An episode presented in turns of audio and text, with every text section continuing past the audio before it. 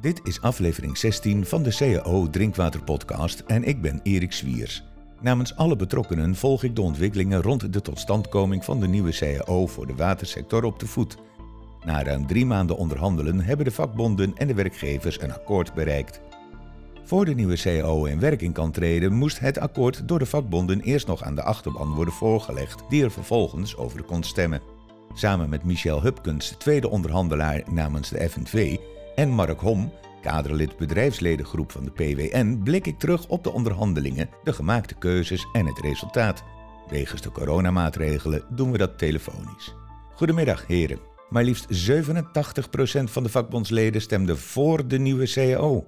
Dat is een Noord-Koreaanse uitslag. Is dat normaal? Dat, dat klopt. Ja, dat klopt. Ja, ja dat, is mijn, uh, dat is maar zelden is dat zo. Meestal zit het veel dichter uh, ja, naar de, de 60% of nou ja, nog dichter tegen de 50 komt ook wel voor. Uh, ja.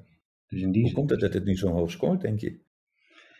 Ja, dat, ik weet dat niet. Misschien dat Mark daar een gevoel bij heeft. Ik heb daar niet echt een gevoel bij waarom dat nou zo hoog scoort. Ja, kennelijk is het, het makkelijkste antwoord is van het resultaat zal goed genoeg zijn, hè? want anders stem je niet voor.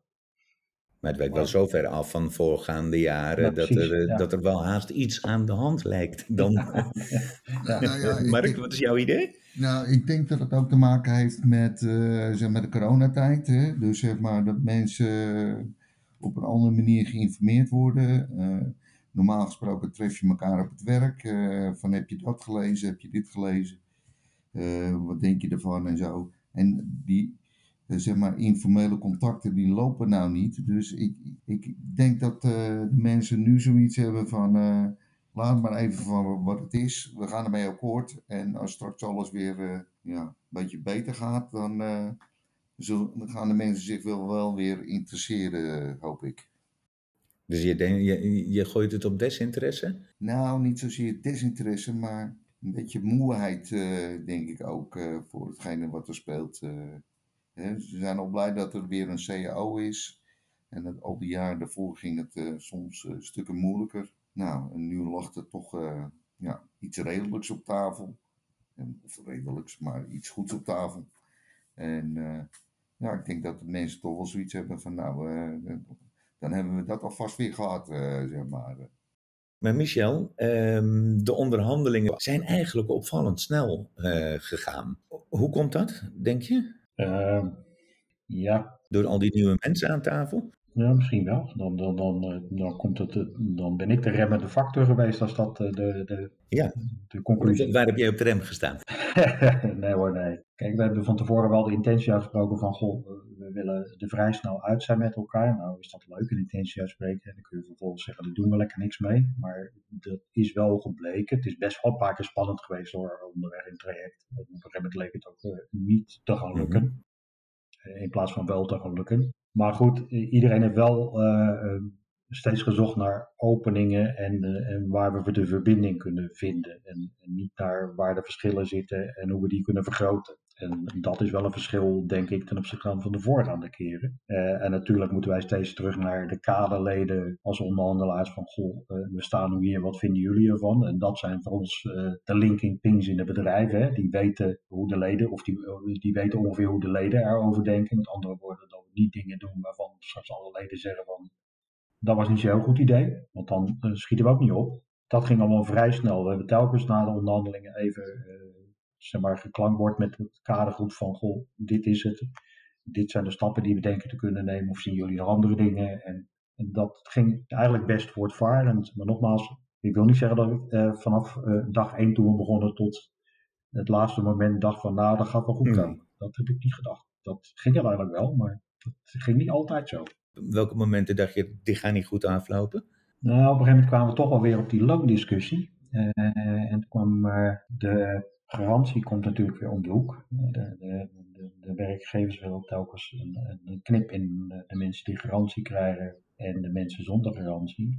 Daarvan hebben wij telkens volhouden van goh, dat willen wij niet. En de keren dat we dat hebben gedaan, kregen we hem later toch weer voor de voeten, omdat die loonlijn uh, te hard was gestegen, waardoor we weer ver boven de markt uitkwamen. Zeg maar. Toen de, de, het nominale bedrag naar voren kwam, waardoor er eigenlijk een andere invulling aangegeven is, toen ging het wel eh, vrij snel lopen. Maar daarvoor eh, zag het er toch wel zag ik het niet heel erg zonnig in.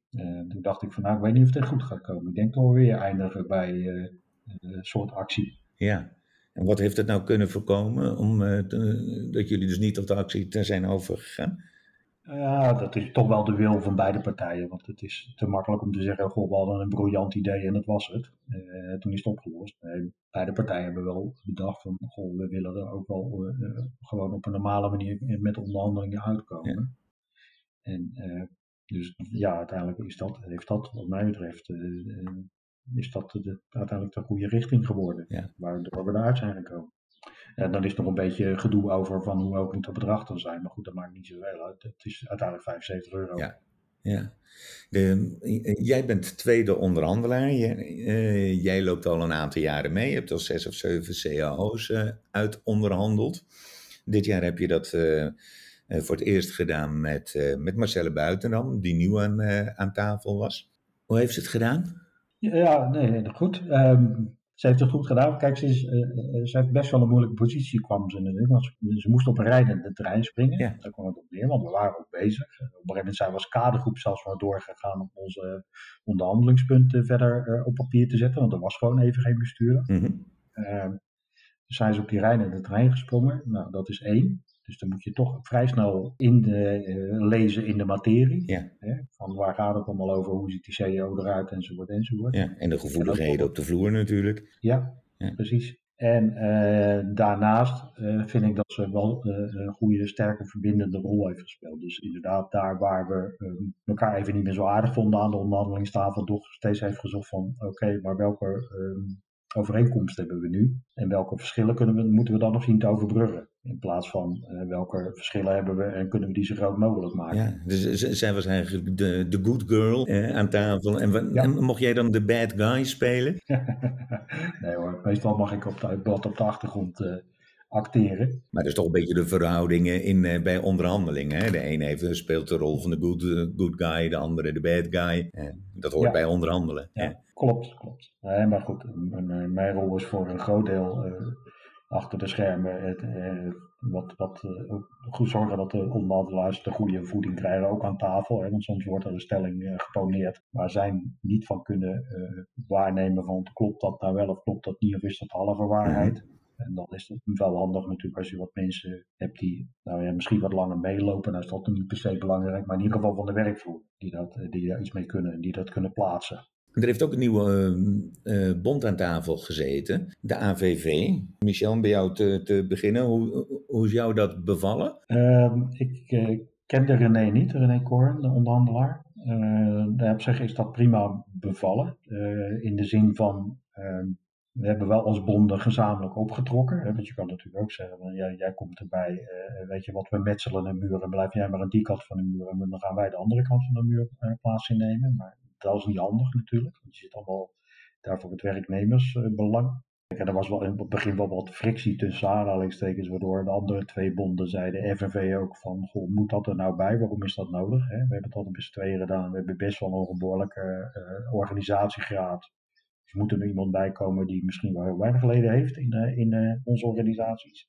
Maar samenwerken met René Koren is verder prima verlopen en en nogmaals, we zijn als drie bonden opgetrokken. Het is niet zo dat hij telkens zei, nou als jullie twee dat vinden, vind ik wat anders. Want dat uh, zeker niet. Mark, wat vind, wat vind jij ervan dat de AVV aan tafel was uitgenodigd? Maar dat is een, uh, een, een, bond zonder leden, of althans je hebt daar een stemrecht, ook als je geen, uh, geen lid bent. Was dat niet een beetje onder de duiven van de FNV schieten? Nou, wij zijn natuurlijk wel uh, uh, een grote partij. Ja, het frappeerde me, want uh, ja, zo'n bond met weinig leden, de, en hoe krijg je dan je input, zeg maar, hè, vanuit je achterban? Maar ja, ik ben er niet bang voor geweest toegevoegde waarde? Ik denk uh, nee, want hij wordt niet, uh, of tenminste door, door heel weinig mensen gevoed. En uh, ik, ik, denk dat de kracht van een vakbond is, die worden vanuit hun leden geïnformeerd. En ja, je kan natuurlijk wel iets verkopen, maar als je dat. maar dus dat, dat is de kracht van, van, van de FNV en CNV en grote bonden, dat die worden gevoed vanuit hun leden. En, ja, en de vraag is even of zo'n zo'n derde partij dat ook wordt. Wat, wat vind jij daarvan, Michel? Als AVV er niet bij geweest was, geloof ik niet dat we per se een ander resultaat hadden bereikt. dus als je dat zo bekijkt, dan zeg ik, nou ja, dan denk ik het niet. Maar goed, nogmaals, er zijn wel eens drie bonden opgetrokken. Dus hij deed dat eh, verder wel gewoon uh, zich ook als, als, als vakbond opgesteld, als vakbondsvertegenwoordiger opgesteld. Um, dus ja. Het is wel best. ja, ik kan, ik, ik, kan, kan, ik kan niet zeggen van als we hem gemist hadden, dan, uh, dan was het anders geworden. Nee. dus ja, een beetje lastig om te zeggen van maar ik kan ook niet zeggen van, nou, wat mij betreft moet hij morgen weer weg. Want dat, dat vind ik ook niet. Hè. De werkgevers hebben het recht natuurlijk om een partij hebben uit te nodigen. Ze hebben de AVV hebben uitgenodigd. Nou, daar zullen ze een reden voor hebben gehad. Prima, dan moeten we het daarmee doen. En daar hebben jullie het mee gedaan. En dan zullen het waarschijnlijk over twee jaar ook weer mee, uh, mee moeten doen. Ik kan me haast niet aan de indruk onttrekken uh, dat jullie ook voor de CAO hebben, hebben gestemd. Ik neem aan dat dat, uh, dat, dat klopt. Ja, Mark, waar moet de komende twee jaar uh, in voorbereiding naar de nieuwe CAO de nadruk op gaan liggen? Nou, de, de, oudere werknemers, hè, dus dat, dat de werkgevers daar eens iets werkelijks voor gaan, ja, iets aanbieden, zeg maar. Ik denk dat dat een groot speerpunt gaat worden. Ja, ik denk dat we toch ook moeten gaan proberen om die jeugd binnen te halen. Want ja, de oudjes gaan er steeds meer uit. Ik denk dat we er dus voor de toekomst ook weer die voeding binnen moeten halen. Hoe we de onderhandelingen in moeten. Ja. Maar nog geen idee hoe de, de, de jongeren binnenhaalt? Nee, nee, dat is. Uh, ik denk met, met Michel eens dat, dat, ja, dat het nog niet helemaal duidelijk is en best wel moeilijk ook is. Want we hebben al wat een en ander geprobeerd, maar ik zie daar nog geen directe grote uh, zeg maar, resultaten van. Michel, je hebt ook voorgestemd natuurlijk, dat, anders kon je niet van die onderhandelingstafel nee, um, waar gaat de nadruk wat jou betreft uh, de komende twee jaar op, uh, op liggen? Ja, toch ook wel een beetje, het is al een heel breed, breed begrip inmiddels hoor, maar duurzame inzetbaarheid. Dus uh, hè, waar we net ook een beetje over hadden, want op het moment dat je monteurs hebt, moet je dan per se van dag één dat ze gaan werken tot en met de pensioen uh, dat zware werk laten doen? Of zit daar nog, zijn daar gradaties in aan te brengen? Twee is inderdaad, uh, je moet ook als sector moet je aantrekkelijke werkgever blijven. Mensen moeten inderdaad bewust voor de watersector kiezen, laat ik het zo zeggen. Niet toevallig omdat er een vacature voorbij komt. Ja, dat mag in één keer.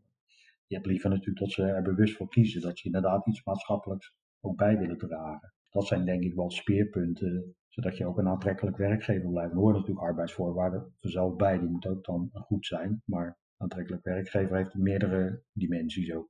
Dus die twee dingen denk ik dat die belangrijk zijn. En over twee jaar zit jij weer aan de onderhandelingstafel? Uh, als dat goed is wel, maar uh, ja, je weet het niet, hè?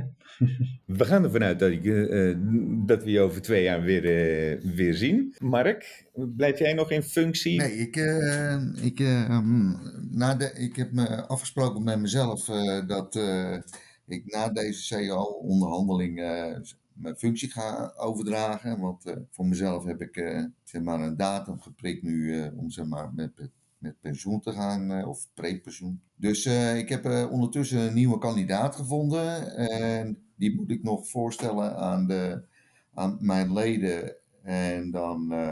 een frisse dertiger? Nee, ja, dat weet ik niet. maar, maar iemand wel met een OR-achtergrond. ja, dan, dan hoop ik mijn functie over te dragen. En ik blijf degene nog wel even assisteren tot mijn pensioen. En dan dan ga ik hem eh, zo rustig mogelijk afbouwen. Je luisterde naar de CAO Drinkwater Podcast. In seizoen 2 praten we met de vakbonden en de werkgevers over de collectieve arbeidsvoorwaarden drinkwaterbedrijven. Wil je zelf ook meepraten? Ga dan naar de website caodrinkwater.nl. Hier vind je alle informatie over je CAO en kun je jouw wensen direct kenbaar maken aan de onderhandelaars van het CAO-overleg. De CAO Drinkwater Podcast is een initiatief van de werkgeversvereniging Drinkwaterbedrijven.